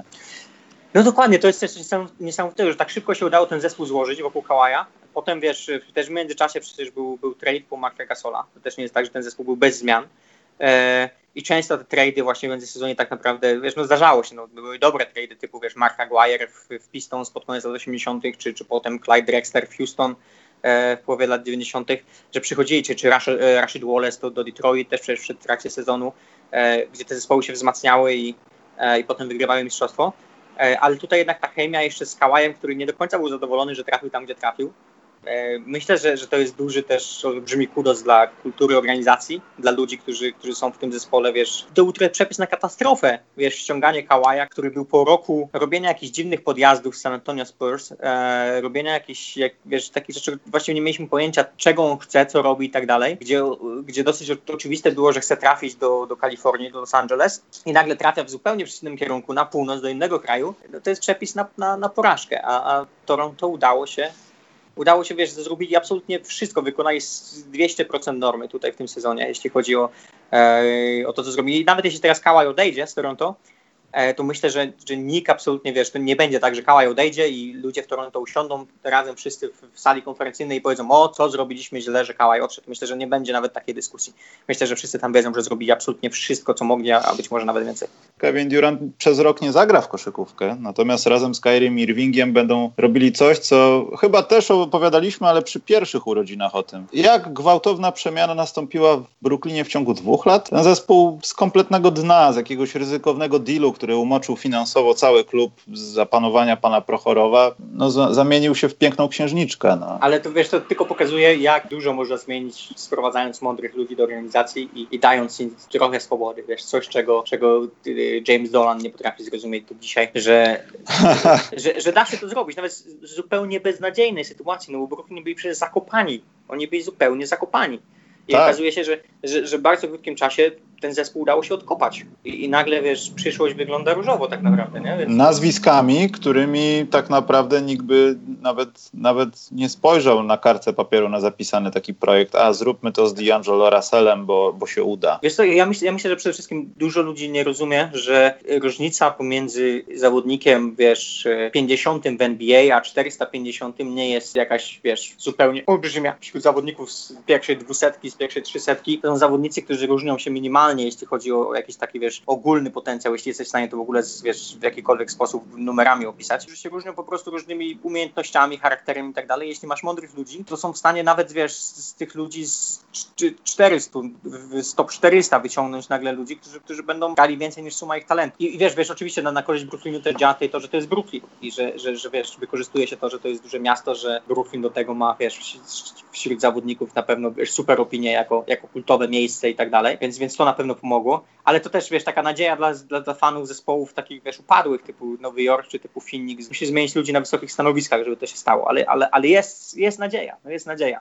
Fani Knicks musieliby zmusić Jamesa do skrzydlania klubu, żeby to się wydarzyło, ale jest nadzieja. No właśnie, jest nadzieja, ale jak ty to widzisz? Bo ja, szczerze mówiąc, myślałem nad tym trochę i mam takie mogliste przemyślenia, że to może nie doprowadzić do tego, do czego my wszyscy staramy się zepchnąć tą sytuację, bo tutaj każdy walczy o to w głowie, żeby Kyrie Irving w końcu był tym koszykarzem, którym sam by chciał i żeby to było efektywne i nie działo się tak jak w Bostonie. Nie było tych wszystkich innych rzeczy, które przeszkadzają, skłócają i tak dalej. Nie będzie Kevina Duranta przez rok, nie ma D'Angelo Russella. No. Zastanawiam się, jak to, jak to będzie na Brooklynie, bo wiesz, żeby przejąć tą schedę Nowego Jorku, trzeba mieć sukcesy. A na początku no. tych sukcesów może nie być zbyt wiele. Ja wiem, że sytuacja Knicks jest fatalna, aczkolwiek patrząc na to, jak oni rozbili te pieniądze teoretycznie, które mogliby dać Kristapsowi, gdyby tam wszystko grało, oczywiście przed wymianą, tylko gdyby został w składzie, no to ich los wyglądałby diametralnie inaczej. A teraz są drużyną, która jest złożona tak trochę na prędce. Oni mogą moim zdaniem osiągnąć jakieś mikrosukcesy, mogą być lepsi niż się spodziewamy, no bo tak naprawdę Julius Randle może będzie chciał, Touch Gibson zawsze chce, Bobby Portis jest na wznoszącej. Tam może faktycznie być takie trochę Knicks z lat 90. Pobijmy się czy, i zróbmy coś. Czy, czy ty, Michał, jesteś fanem Knicks, że opowiadasz takie rzeczy? Jak Nie jestem fanem Knicks, ale staram jak, się... Jak to, że, jak to, że Julius Randle i Bobby Portis ze, ze starym Tarzem Gibsonem mogą sprawić, że ta drużyna będzie, będzie cokolwiek znaczyła. Ale w sensie... widzisz, cokolwiek znaczyła dla Knicks może oznaczać w tym sezonie to i tylko to, że będą bili się o ósme miejsce. I już dla nich to będzie jakaś nadzieja, żeby popatrzeć na to w lepszy sposób. No ale, ale no nie będą się bili o ósme miejsce. W sensie, no, jak to się wydarzy, to naprawdę będę pod wielkim wrażeniem, że coś takiego jest możliwe. A, a patrząc wiesz na te asety, asety, czy jak to, jak to się nazywa, widziałem wielu panów Knicks piszących, że, że no lepiej tak, że mamy ludzi, których będzie można gdzieś transferować, tylko rzecz w tym, że to są ludzie typu Bobby Portis czy Julius Randle, które w dzisiejszej bardzo analitycznej e, NBA, gdzie, gdzie poziom managementu, poziom trenerski się podniósł bardzo, bardzo mocno i większość, olbrzyma większość klubów poza nich właściwie w tej chwili e, wie, zna realną wartość, wie, że, że to wiesz 22-10 czy 20-10 Randla to nie jest to nie jest 20-10 Duncana, to nie jest ta sama wartość, to jest zupełnie, zupełnie inne liczby. I ci ludzie widzą przez te liczby, e, więc to, nie jest tak, że nagle ludzie będą sobie myśleć, wiesz, Randall nagle będzie kręcił 25-12 na przykład i ludzie będą myśleli, a to jednak jest gracz, którego byśmy chcieli. Wszyscy rozumieją, że to nie jest gracz, którego, którego będą chcieli jako, jako, wiesz, jako pierwszą, drugą, trzecią opcję w swoim klubie. No tak, ale wiesz, oni spodziewają się nawet przyzwoitego poziomu. Natomiast samo w sobie, sam fakt tego, że na przykład Dolan tłumaczy to, że o, myśmy to tak dobrze przewidzieli, że wydaliśmy tyle samo pieniędzy na wielu zawodników i to się niby opłaci. To, to jest gówno prawda. To jest po prostu dowód porażki managementu, który nie może ściągnąć topowych wolnych agentów, a nie, że my nie chcieliśmy na kogoś wydać i nie chcieliśmy się spotykać z Kałajem Lenardem. To nie jest tak. To jest po prostu porażka organizacji, która doprowadziła, że ludzie nie chcą wysyłać CV. Nie no, no Knicks, no Knicks są żartem. Są naprawdę żartem w tej chwili. Wiesz, można powiedzieć, że Phoenix Suns są żartem i tak dalej, ale, ale obstawiam, że, że, że znajdą się, że, że większość wolnych agentów mając do wyboru Phoenixa albo no New York Knicks pójdą do Phoenix w tej chwili. I teraz jedyna taka, wiesz, światełko nadziei jest to, że RJ Barrett nagle okaże się, wiesz, kimś, kim miał być Andrew Wiggins. A, I że okaże się być gwiazdą, ale jest to bardzo niepewne i wiesz, jedna rzecz, którą można się ekscytować, to, to, to wiesz, kim będzie wychodząc z cienia Ziona, grając, wiesz, w innym zespole niż ci źli, źle poskładani Duke jednak z zeszłego sezonu i RJ Barrett nagle może się okazać, że, że, że, że, że, że będzie na poziomie, wiesz, Ziona Williamsona na przykład jeśli chodzi o gdzieś tam o potencjał na bycie supergwiazdą NBA. No i to, to też się skupia Przemek do tego, że to właśnie Brooklynowi, od którego zaczęliśmy tą rozmowę, jest dzięki temu łatwiej przejąć e, bycie tą ekipą z tego miasta. No, no nazwijmy to, to też, że no tak. z tego miasta. No to jest dużo łatwiejsze. Tylko pytanie, tak. Jaki sukces oni osiągną przez, dzięki temu, że mają teraz Duranta, który rok nie będzie grał w kosza i Kairego Irvinga. Zastanawiam się nad tym. Wiesz co, no, mają jeszcze Deandre Jordana. Yy, no tak, tak, tak. Wiesz, mają, mają dobrego trenera, mają zespół, wiesz, zestaw, zestaw młodych, młodych graczy, którzy będą pomagać. Myślę, że wiesz, myślę, że w tej chwili to wiadomo, no bez Duranta to nie będzie to i teraz to będzie duże po tej porażce z Bostonem to będzie jednak duże wyzwanie dla Irvinga. Pytanie, czy Irving się czegoś nauczył, jeśli chodzi o to, jak być liderem dla młodszych graczy coś, co w Bostonie zupełnie mu nie wyszło, coś, gdzie, gdzie się rozłożył, sam właściwie to przyznał w trakcie sezonu, po czym w playoffach zapowiadał, że się zmieni, nic się nie zmieniło i, e, i myślę, że, że te, ten, ten sezon to był blamasz Kariego Irvinga jako potencjalnego lidera, potencjalnej wiesz, pierwszej opcji i tak dalej. E, I z Kevinem Durantem on nie będzie musiał mieć tej roli, będzie mógł znów być wiesz, Irvingiem do Lebrona, ale przez ten rok do playoffów będzie miał e, ten czas na to, żeby pokazać, że, że dojrzał być może, że, że, że jest w stanie już, już być tego graczem. Jeśli się okaże, że wiesz, że tak jest, no to, to, to być może najlepsze, co mogło się stać dla Brooklynu, że, że Irving będzie miał szansę grać przez jakiś czas bez Duranta i potem, kiedy Durant przyjdzie, Irving będzie ma dużo lepszym graczem po prostu. I, i kto wie, i nagle wiesz, Nets wejdą do playoffów z szóstego miejsca i, i w playoffach nagle zadziałają, bo Kevin Durant wróci i tak dalej. Znaczy ja bardzo, bardzo, bardzo chciałbym zobaczyć jakąś no, dobrą rzecz E, na Brooklynie właśnie tego typu, co ty powiedziałeś, powrót Duranta, ale Kyrie Irving za dużo razy mnie oszukał w życiu i moim takim największym marzeniem, jeśli chodzi o tą ekipę, żeby doszło do takiego momentu, żeby ci panowie zagrali razem, a nie żeby jeden stwierdził, że nie, ten rok był dla mnie za dużo i na razie Kevin. Ja wiem, że to nie. jest trochę głupie i niemożliwe, bo oni przyszli w tym celu razem. Tak? No oni, oni się dogadali. Dokładnie, natomiast żeby nie było czegoś takiego, bo o Bostonie też się mówiło super rzeczy w samych superlatywach. Co oni zrobili dwa playoffy temu i ale, co się stało w tych. Ale, ale powiem Ci, że szalone rzeczy to będą, e, jeśli wiesz, inni gracze się będą wygadywali, co się dzieje, co, wiesz, jak, jakie są rozmowy Duranta z Irvingiem, bo są dwaj intelektualnie najdziwniejsi gracze spośród wiesz, gwiazd NBA właściwie. To są tacy gracze, którzy czasem powiedzą rzeczy, które każą ci się zaskrobać w głowę, trochę zastanawiasz się, czy czy, czy on jest głupi, czy, czy, czy, czy jest tam jakaś większa mądrość w tym, co on mówi i, i, i co jest gdzieś z nimi na poziomie emocjonalnym, czy na poziomie jakiejś takiej dojrzałości i tak dalej. I, oni obaj są bardzo podobni pod tym względem, wiesz, to, y, mają, mają takie rzeczy właśnie, wiesz, Irving tego, ma tego swojego filozofa dla ubogich w sobie, a Durant, Durant z kolei ma w sobie tą niepewność siebie i te, te, te wiesz, bitwy na Twitterze i, i to takie dziwne podejście do, do świata, z jednej strony, że mu niby nie zależy, a z drugiej strony jednak będzie się przejmował każdym najmniejszym wpisem w internecie. Więc, więc ja jestem bardzo ciekawy, chciałbym usłyszeć wiesz, ich konwersacje w szatni i jakieś rozmowy na filozoficzne tematy, które pewnie tam będą się pojawiały i tak dalej. I opinie na temat innych graczy, co się działo na przykład z LeBronem jakie mm. jest podejście Duranta do całej tej sytuacji. No ale nieważne, dobrze, to jest akurat taka rzecz, która jest bardzo mocno rozwojowa i ja szczerze mówiąc kibicuję Brooklynowi, bo podoba mi się ta przemiana, już nawet jeśli chodzi o sprawy księgowo-finansowe, to było bardzo ciekawe, że oni to jakoś przetrzymali, ale są inne ekipy, które może w zeszłym sezonie taką nagrodę wygenerowali, taki tytuł do nagrody wygenerowali Sacramento Kings.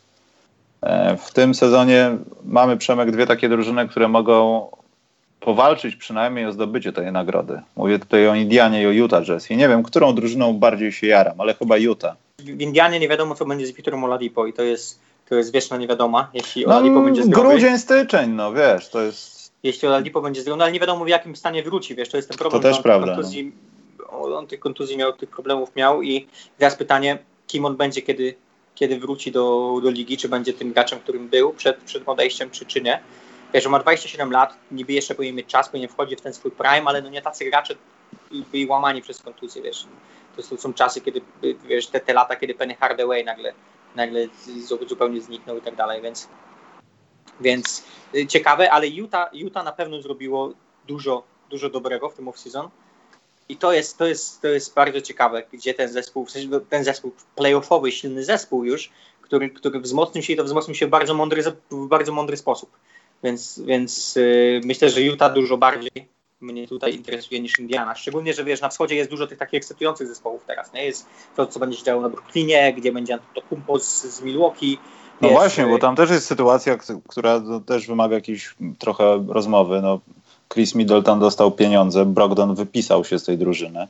Jestem ciekaw, jak to wpłynie, y, no nawet nie mówię tyle co w playoffach, ale na to, czy, jak wyglądało Milwaukee w zeszłym sezonie. Brogdon mam wrażenie, że trochę dawał dużo do tego takiego poczucia tego, że nawet jak Antka momentami nie ma na boisku, to my defensywnie jesteśmy ścianą i potrafimy naprawdę zmotywować się zespołowo. To już nie chodzi o jakieś tam sytuacje czysto warsztatowo-koszykarskie w obronie jeden na jeden, ale wydawało mi się, że z nim jest jak gdyby, no nie wiem, wyczuwalna taka stabilność w tych, efek- mm. tych defensywnych fragmentach. I można było zostawić ten fragment boiska akurat jemu, no bo plus minus staną się bardziej dobre rzeczy niż złe, no, a że reszta zespołu zareaguje na to, co on robi, no to jest y, inna sprawa. Natomiast nie wiem, jak w dalszej perspektywie to się Milwaukee opłaci, w sensie jak wyjdą na tym. Co, ja, ja, myślę, że oni stawiają wszystko na Antka i na to, że Antek będzie, wiesz, e, te, tego typu graczem, który cokolwiek zbudujesz wokół niego będzie działać. I myślę, że to jest takie założenie, że on z każdym rokiem będzie lepszy. Póki co z każdym rokiem był lepszy.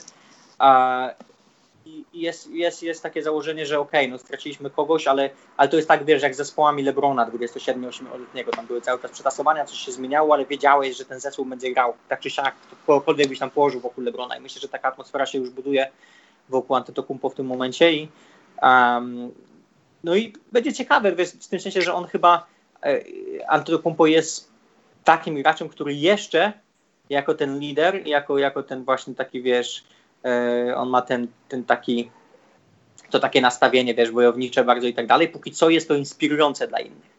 Pytanie, czy przyjdzie taki moment, że będzie to ciężkie dla innych, jak, jak zdarzało się to w przypadku, nie wiem, Chrisa Polo na przykład, czy, czy nie graczy tego typu, że, że wiesz, oni dochodzą do takiego momentu, walczenia o tę perfekcję, że, że nagle zaczynają tłamsić innych graczy i przestają zauważać, że żeby sprawić, żeby inni gracze byli lepsi, muszą zmienić trochę swój styl na przykład. I teraz pytanie, wiesz, jakim liderem jest Antek? I, i, I, to też będzie ciekawe, wiesz, w jego rozwoju i w tym, kim, kim on się stanie. Jeszcze jego prime jest jeszcze przed nim i to jest, to jest najbardziej fascynujące. Już zdobył nagrodę MVP, jego prime jest przed nim i wiesz, sky is the limit tak naprawdę.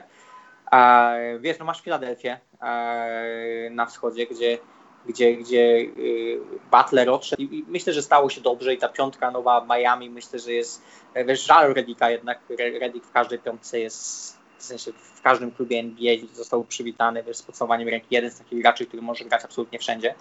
E, więc żal Redika, ale myślę, że, że ta piątka nowa Philly z Horfordem jako, jako taką e, polisą ubezpieczeniową za Embida, który pozwoli wiesz, Embidowi grać mniej, odpoczywać, plus pewnie będzie dobrym mentorem dla Embida, jeśli chodzi o, o wiesz, tips and tricks and, and i, i, i, i, tą nauką, tą, tą, taką naukę, mądrością e, może go zarażać. Wiesz, co będzie z, Winem, z Benem Simonsem, czy zacznie rzucać i tak dalej.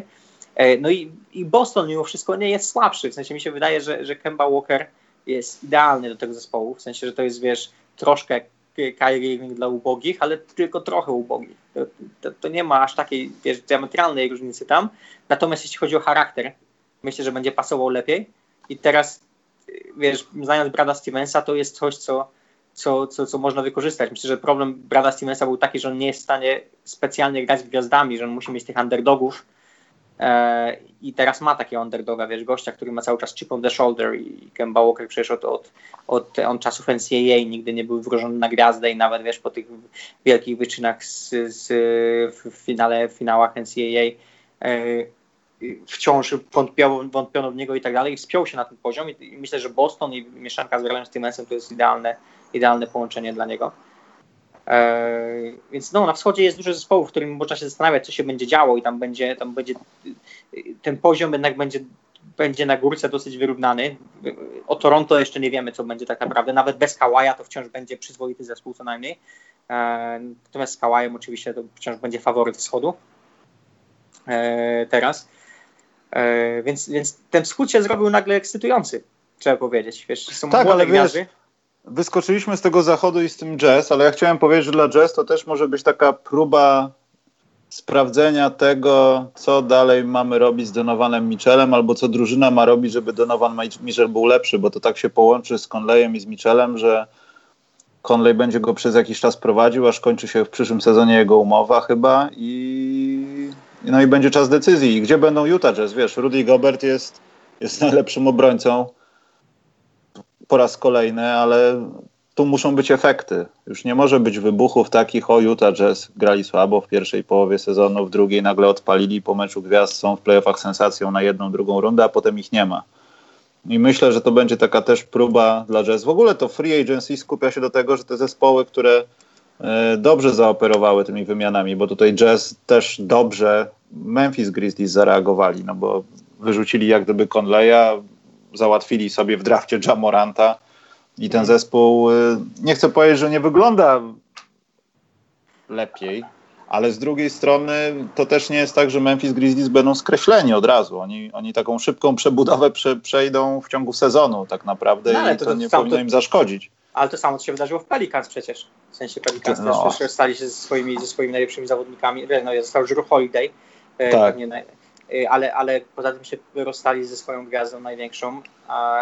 I też bardzo szybko się przebudowali. Wiesz, to nie będzie zespół playoffowy, ale to będzie już zespół, który ludzie się będą ekscytować, który, który ma nagle wiesz, fajnych graczy. A kto wie, no jeśli się okaże, że Zion Williamson jest lepszy niż myślimy, e, wiesz, nagle myślę, że podpisanie J.J. Redicka to jest, to jest genialna rzecz dla, dla takiego zespołu, gdzie jest Zion Williamson, gdzie nagle będzie więcej miejsca, gdzie, gdzie on będzie w stanie się wbijać pod kosz, bo tam nikogo nie będzie, albo będzie grał jeden na jeden z jakimiś, wiesz, chudziutkimi centrami NBA, więc wiesz, no, on wejdzie do ligi jako drugi najcięższy gracz tej ligi chyba, tak? Czy, czy, czy nie wiem, czy nie pierwszy. Coś takiego jest, ale ja bym nie wierzył w to za bardzo, bo do startu sezonu to z, z, tego nadmiernego umięśnienia albo tłuszczu nie zostanie nic, bo ktoś będzie musiał o niego zadbać, żeby on był długo, długo używalny w tej lidze. Bo chyba większość tych ludzi, którzy zajmują się no powiedzmy tą medycyną sportową, są lekarzami, nie wiem, fizjoterapeutami, cokolwiek w drużynach NBA i obok, zdają sobie sprawę i widzieli masę takich przypadków, że takie konstrukcje ludzkie faktycznie wyglądają idealnie, ale mają bardzo dużo już nie tylko takich rzeczy, że dostanie kontuzji, ale jakichś ograniczeń po prostu samych w sobie. I lepiej, tak jak LeBron kiedyś, nie bawić się w chodzenie na siłownię, tylko zadbać o dietę i doprowadzić swoje ciało do optimum, które nie zawsze musi wyglądać jak Karl Malone szczytów sławy. No i często nie powinno tak wyglądać. tak, no Kevin Durant przykład, wiesz, no, jego tak. historia z ławeczką i to, jaki jest słaby i to, co z niego wyszło, no to pokazuje, że czasami po prostu nie warto łamać tej, tej, tej ramy, tego organizmu, no, który może nie być do tego przystosowany, tylko musi być wzmocniony na tych bazach, na których jest stworzony. I wydaje mi się właśnie, na koniec chciałem cię zapytać o Zajona, tylko jedna rzecz, bo tak dużo tych rzeczy z wolnej agentury, ale jedna taka mała, cicha rzecz, ja oprócz, oczywiście oprócz Nowego Orleanu, bo będę śledził i patrzył i dla mnie to jest świetna sprawa, żeby móc to oglądać. To będzie taka drużyna z PlayStation, ale Portland Trail Blazers pozyskali Hassana Whiteside'a. Myślisz, że Hassan Whiteside będzie mądrzejszy niż Miami? Uh, nie wiem. Bo tak się zastanawiam, ten transfer, jeśli Hassan Whiteside będzie tym zawodnikiem, o którym zawsze marzyliśmy, albo o którym był, nie wiem, w pierwszej pierwszym sezonie w Miami, no to Portland jest po cichu tym znowu zespołem, który jest w top 4. Wiesz co, Yusuf Nurkis też miał opinię, wiesz, twardogłowego przed przyjściem do Portland i w Portland nagle okazało się, że myślę, że wiesz, okoliczności typu Damian Lillard, CJ McCollum i tak dalej bardzo dobrze wpływają na tego typu graczy, więc, więc kto wie. Hmm. E, ale to teraz co, oni będą grali Nurkicem i Whiteside'em, w sensie będą na dwóch centrów grali, czy... No wiesz, to, to są te same pytania dotyczące Filadelfii obecnie. No. Czy oni będą stawać sobie na ramionach i blokować ludzi, czy będą stawiali mury jak w nie, piłce Nie, nie, nie, znaczy wiesz, nie wierzę w to, że Whiteside będą z Nurkicem w tym samym czasie na parkiecie. Nie, no to jest bez sensu. Ale teraz pytanie, czy wiesz, czy na przykład Whiteside wchodzący z ławki będzie szczęśliwy szczególnie tam. No a co z rozwojem Zaka Collinsa, który też potrzebuje minut, bo teraz musi się rozwijać, a całkiem dobrze mu to szło i idzie. No, wiesz, Zach Collins jeszcze się pietruje od czasu do czasu, więc, więc, więc to, to, to może mu dać jakieś miejsce na parkiecie. E, wiesz, niekoniecznie zawsze na centrze, może gdzieś tam na, na, na, na, na silnym skrzydłowie, na dwie wieże będą wychodzili czasem, jeśli Zach Collins będzie rzucał więcej za trzy. Ale, ale, ale Whiteside i Norwich to, to jest w sensie to jest logjam, nie to, że, że narzekał na taki logjam, jeśli możesz grać przez 48 minut, wiesz, z, z, z naprawdę dobrym, e, dobrym centrem. Ale teraz pytanie, czy, czy to się nie odbije jakoś, wiesz, na, na, na którymś z nich? No tak, no to, to jest podstawowe pytanie. Poza tym, wiesz, w składzie Portland jest więcej osób, które w momentach niektórych, przy niektórych jakichś tam piątkach wychodzą właśnie, z, może nie na tej pozycji, ale z taką funkcją. Wiesz, Scala Bissier, on, on dalej jest szczupłym takim chłopakiem, szczupaczkiem takim, ale to też jest osoba, która gdzieś tam będzie w tych strefach boiska prze, przebywać. I żeby to wszystko razem spiąć i żeby nie przeszkadzać jednocześnie wiadomo komu, Lillardowi, McCollumowi, nawet Hudowi, to trzeba coś z tym zrobić i dać im odpowiedni zakres minut. I tak powiedziałeś, no Hassan Whiteside zepchnięty na ławkę rezerwowych wychodzącym w meczu. No bo no, pytanie jest, kiedy, kiedy Nurkic wróci po kontuzji, w sensie, coś wiadomo ile to potrwa? No właśnie to chyba będzie... dalej, dalej trwa, ale nie wiem jak długo Nie, jeszcze. no, znaczy, znaczy nie wiem, bo to wiesz, normalnie to gdzieś koło roku trwa, więc on może by wrócił koło kiedy, kiedy mu się to wydarzyło? W styczniu? W lutym? W, a nie, w marcu nie, miał na pewno marcu. operację. W czy w marcu? W nie, marcu w marcu. Chyba. W marcu, no to, no to może, a no to widzisz, to może być tak, że on nie wróci do playoffów nawet. Czyli w sezonie regularnym nie będzie w ogóle problemu. I w tym momencie Whiteside jest, jest dużym wzmocnieniem. No ale to jest sytuacja rozwojowa, natomiast no, myślę, że około roku to może poświęcić to wszystko, więc to też może być taka akcja playoffowa bardziej niż y, może nawet bez powrotu w tym sezonie.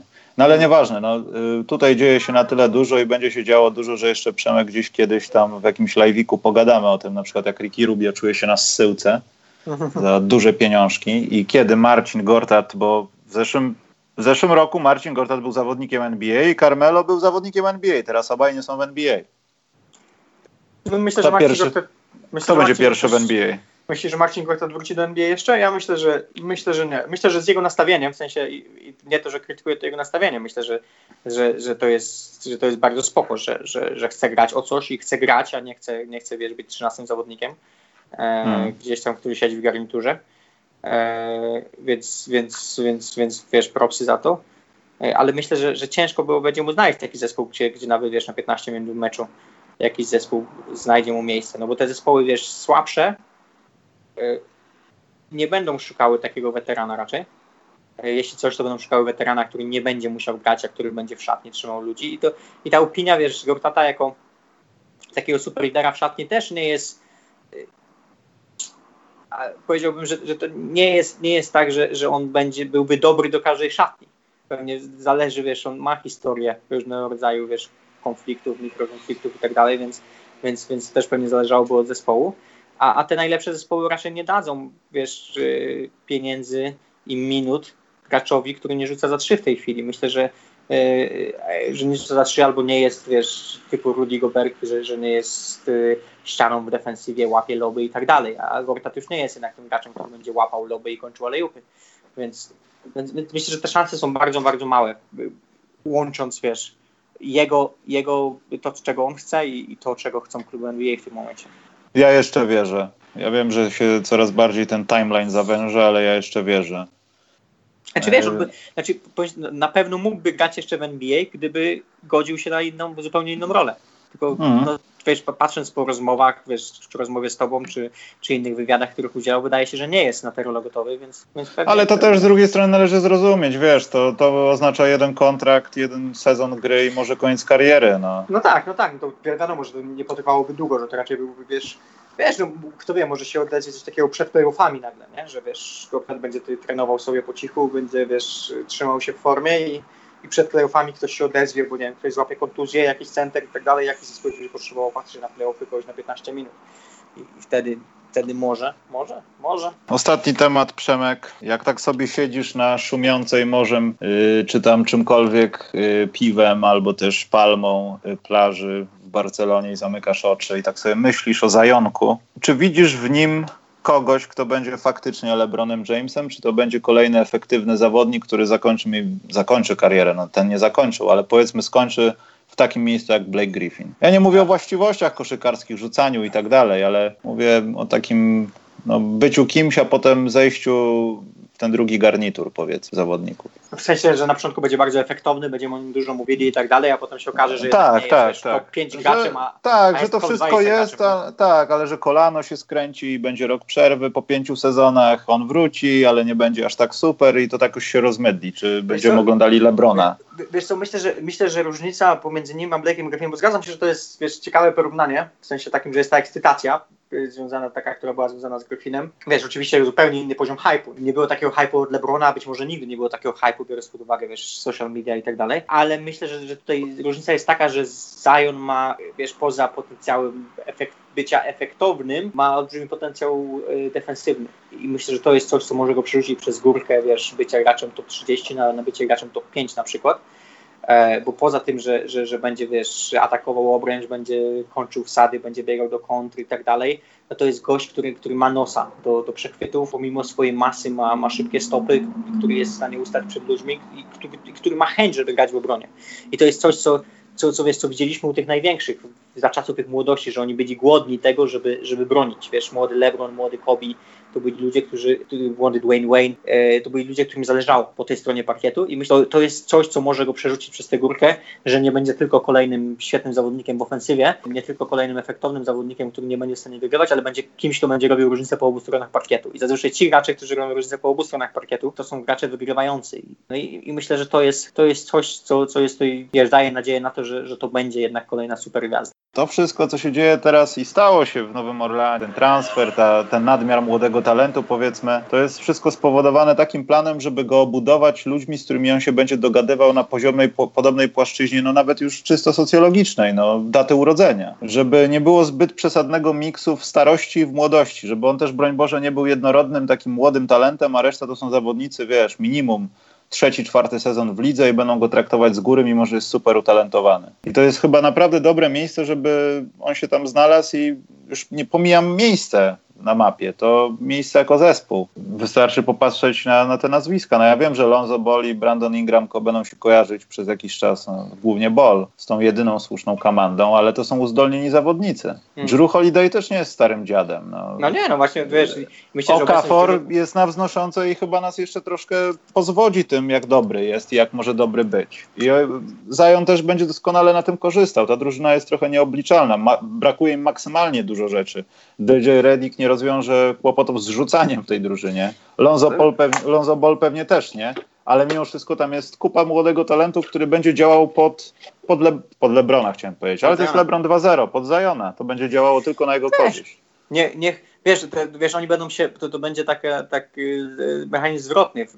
Zion będzie zasysał ludzi w, w trumnie i nagle może się okazać, że trochę więcej miejsca dla Alonso trochę więcej miejsca dla Brandona Ingrama sprawi, że, że te ich procenty pójdą w górę. A z drugiej strony fakt, że no, nikt w tej lidze nie, nie będzie zostawiał JJ Redick samego i będzie dawało te parę centymetrów więcej Zionowi. I no, tak. wiadomo, że, że to jest tylko JJ Redick, ale, ale jak się okaże nagle, że cały spacing to, to, jest tak naprawdę bardzo psychologiczna sprawa. W tym sensie, że, że są ludzie, którzy, którzy nie wydają się trafiać dużo, trafiają na przykład solidne 36%, a mimo tego ludzie ich nie kryją i wciąż tego spacingu nie, nie, nie, nie zapewniają, bo nie mają opinii, że należy ich kryć. I czasem te opinie się buduje, wiesz, miesiącami, latami, zanim zaczną cię chwilić, zanim zapewniasz ten spacing. JJ Redick nie jest takim graczem, więc on na pewno będzie to zapewniał, natomiast Zion Williamson to jest szansa na to, żeby, żeby taką opinię sobie zaczęli, zaczął budować, na przykład Brandon Ingram, czy, czy wiesz, no Lonzo Ball pewnie ma długą drogę do tego, e, ale jeśli się okaże, że, że zacznie trafiać, i nawet ludzie, wiesz, y, dalej podążając za opinią, że, że można go zostawiać i, i mamy to w, w, w, tyłku, a Alonso zacznie trafiać, wiesz, 40% za 3, to się po cichu okaże historia, że, że Pelicans będą mieli z tego mnóstwo punktów na przykład, więc mnóstwo niewiadomych, to jest młody zespół, gdzie mają teraz weteranów typu Drew Holiday, JJ Redick, myślę, że to są bardzo dobry, będą mieli bardzo dobry wpływ na, na tych młodych graczy. No chyba, że się zaskoczymy, się okaże, że Zion już jest tak dobry, że wiesz, na poziomie NBA, wiesz, to są te rzeczy, nie, wiesz, ludzie będą patrzeć na stacje i myśleć sobie, o, w NCAA to, to w NBA będzie mniej i tak dalej, natomiast to jest zupełnie inna gra. To jest coś, wiesz, jak Luka Doncic grał w Europie, przed mhm. NBA i nagle się okazało, że ma dużo więcej miejsca na wszystko, że, że nagle ma ludzi, którzy którzy mają dużo lepsze ręce, którzy skaczą dużo wyżej, którzy łapią jego podania, które, które kiedyś wychodziły w aut na przykład i tak dalej, nie? Więc, więc, więc dla wielu ludzi to przyjście dla NBA nie jest aż takim szokiem, bo nagle się okazuje, że gra jest wręcz przeciwnie łatwiejsza dla nich. Tak, tak, te, też tak mi się wydaje.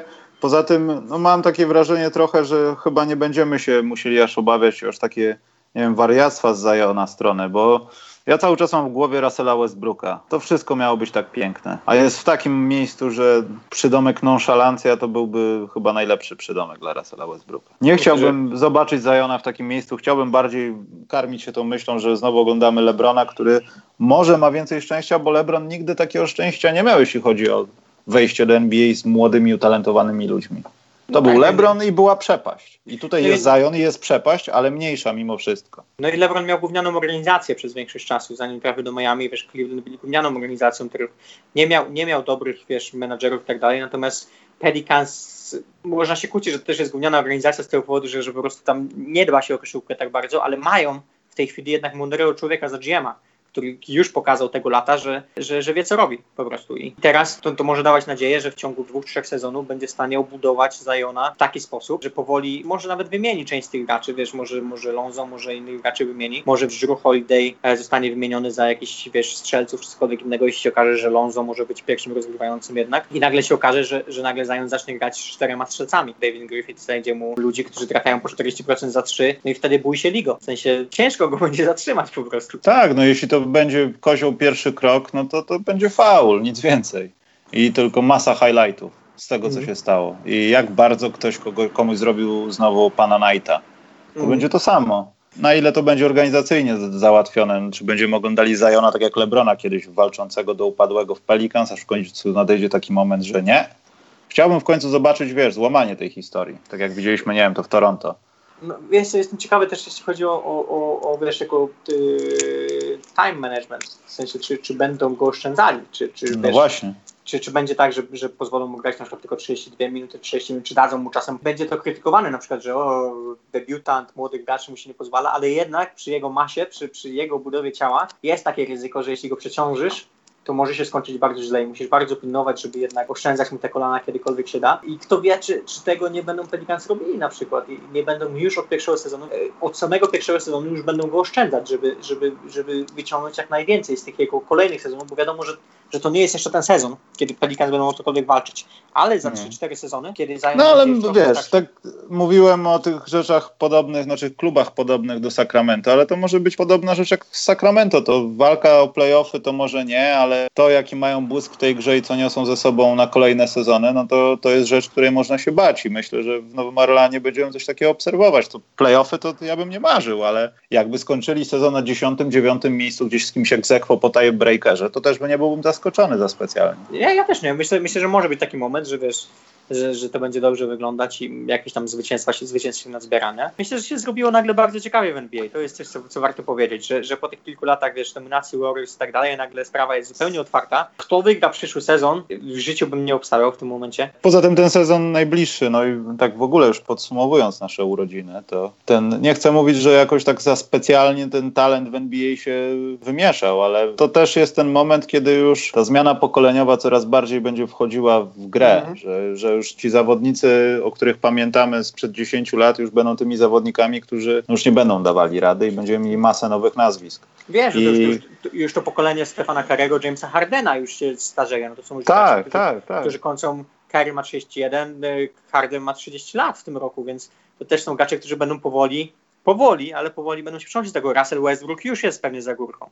Więc wiesz, mm. to mhm. poko takie pokolenie, wiesz, draftu 2008-2009, gdzie, gdzie trafiliśmy, wiesz, tą tą grupkę, wiesz, super graczy, nawet możesz w to wciągnąć jeszcze 2007 z Durantem, nie? że masz Duranta, potem masz E, masz Westbrooka, masz Hardena, masz, masz Karego, i wiesz, tych graczy z absolutnego top, top 6, top 10 ligi, no ci gracze już są po 30. W sensie, no Harden kończy 30 w tym roku w sierpniu. Poza tym cała reszta już jest po 30, więc nagle ten czas ich się będzie kończył powoli. No pamiętajmy, że to samo, wiesz, to pokolenie Lebrona też przecież po 30 zaczęli się sypać. Tak. Dosyć szybko, wiesz, Lebron jest tutaj wyjątkiem i tak dalej, ale ale, ale i Wade, i Bosch, i Carmelo, i to już nie byli ci sami gracze. Też jest ważna rzecz. Ja wiem, że to się też rozbija trochę o dwie osoby, ale to też takie zderzenie połączone z tym takim kończeniem karier.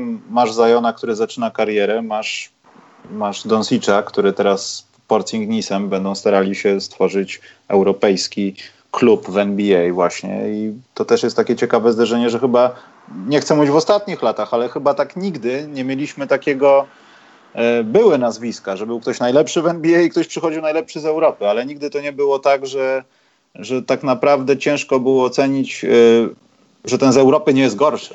Że ten mhm. Doncic jest kimś i nagle jest Zion. I to jest chyba ten sezon, kiedy zaczyna się właśnie dziać coś, co już doprowadzi kompletnie, że gra jest absolutnie globalna, bo MVP będzie już z Europy, mistrz NBA będzie z Polski, wiesz, to, to jest siłowo nastąpi po prostu. No, ta zmiana taka pokoleniowa, która nie musi wiesz, być no. oparta na Amerykanach. Kanada to wiesz. co robi teraz, no to się rozmywa już. No i wiesz, jest Antek, jest, jest Antek, jest, jest Doncic jako wiesz, nowa wschodząca gwiazda. Zobaczymy jeszcze jak, jak gdzie jest jego sufit, bo tutaj jest to pytanie. Ale jest Antek, który już niewątpliwie jest już jest super gwiazdą tej lidze. I teraz yy, yy, no wiesz, Porcingis, gdzie będzie i tak dalej, jeśli będzie zdrowy, kolejny, kolejny wiesz, młody gracz z Europy. Y, graczy się nazbierało trochę i plus Kanada oczywiście. No ciekawe, no i właśnie wie, wie, tak dużo nadziei mam, jeśli chodzi o to, na bo, bo wśród tych młodych, młodych graczy jest dużo graczy z potencjałem na supergwiazdy. Że wiesz, nagle widzisz, że to pokolenie, wiesz, Hardenów, Kerry odejdzie, mm. ale na ich miejsce są już ludzie. W tej chwili już są ludzie. Co, co nie, zawsze, nie zawsze się działo, bo pamiętajmy, jak jak odchodziło, wiesz, pokolenie Jordanów, Barclayów, Olajuwonów i tak dalej, to był ten moment, że, że nie było tych ludzi tak dużo. I to był ten moment, kiedy NBA też, też troszkę została, wiesz, y, zepchnięta może nie na margines, ale, ale to były takie ciemniejsze lata NBA, początek XXI wieku, jak od, odeszła ta cała Złota Gwardia. I dopiero potem, wiesz, nadejście, nadejście właściwie y, y, LeBrona Jamesa i tego pokolenia zmieniło to trochę, bo to pokolenie, wiesz, które miało przejąć to po, po, po Lebronie, po, po, po Jordanach i tak dalej, zostało przetrzebione bardzo mocno kontuzjami. I wiesz, i, i tam e, właściwie tylko Kobe Bryant miał taką karierę i że, że spełnił te oczekiwania, ale poza tym miałeś Pennego Hardawaya, miałeś Chrisa Webera, miałeś Granta Hilla, miałeś Tracy'a McGrady'ego, miałeś, wiesz, ludzi, którzy, którzy przyszli w, w tych draftach, wiesz, od połowy do końca lat 90. Okej, okay, no był Shaq nie, ale to powiedzmy jeszcze się załapał na poprzednią, na poprzednią, e, na poprzednią generację. Ale właśnie ta cała, ta cała generacja, która przychodziła po tych ludziach, e, no, zawiodła, w sensie zdrowotnie być może i tak dalej, nie? Czy, czy, czy nie byli tego tak, poza tym to był taki moment, że chyba liga, może nie pierwszy raz, bo wcześniej były takie czkawki, ale to liga, to kluby, to ludzie szukali gwiazd, a nie, że a, jest chłopak w Alabamie i on niedługo będzie w NBA. I tak nie, trochę tak, to wyglądało w tych czasach. Wiesz co, bo tak, tak sobie myślę, wiesz, nawet ci tacy gracze, którzy jednak wypalili, typu Kevin Garnett i tak dalej, też nie miał, wiesz, nie miał takiej kariery, w sensie nie, nie, nie, nie wszedł na ten poziom, którego być może by oczekiwano. I jedynym tym graczem był Tim Duncan, który z powodu swojego charakteru i tego, jak nie chciał, nie został taką gwiazdą, nie pociągnął tej generacji, wiesz. Dirk Nowicki e, też, wiesz, był, był trochę na marginesie przez to, że, że, że był kim był i też nie był e, taką medialną gwiazdą. Więc wiesz, ci najlepsi zawodnicy z tego pokolenia albo, albo wiesz, bo nie wypalali, albo byli właśnie tak po cichu gdzieś tam, więc nie było takiej ekscytacji. Natomiast teraz mamy tych młodych graczy, którzy przychodzą po tym, wiesz, dwóch świetnych pokoleniach, wiesz, tych świetnej zmianie warcie po, po, po, po, po, po generacji Lebrona i teraz, teraz generacji, wiesz, Hardenów, Karys. I teraz przychodzą ci młodzi gracze i, i już jest ekscytacja z nimi związana. I myślę, że to jest, to jest super że mamy już tych następców, wiesz, którzy teraz mają po 21, 22, do 25 lat i oni już są, i już czekają, już pukają, już, już się dobijają do, do drzwi. Za nami trzecie obchody urodzin podcastu specjalnego. Ja mam nadzieję, że w czwartek będziemy rozmawiali o nieoczekiwanych rzeczach, jakie działy się w tym i w przyszłym roku po tym nagraniu. Mam nadzieję, że będzie nowy mistrz NBA, że będziemy widzieli masę rzeczy. Na Mistrzostwach Świata Polska zdobędzie medal. Przemek książkę wyda. Tego sobie życzę na następny rok, Przemek. I dziękuję Ci bardzo, że kolejne urodziny z Tobą mogłem spędzić i z Carlosem. Buzerem ku chwale. Jak zawsze przyjemność, a oby więcej prosi. Obiecuję, że więcej. Znaczy urodzin nie będziemy więcej robić w tym roku, ale coś nagramy wierzę. Dzięki za dziś, trzymaj się i do następnej razy. Trzymajcie się, cześć.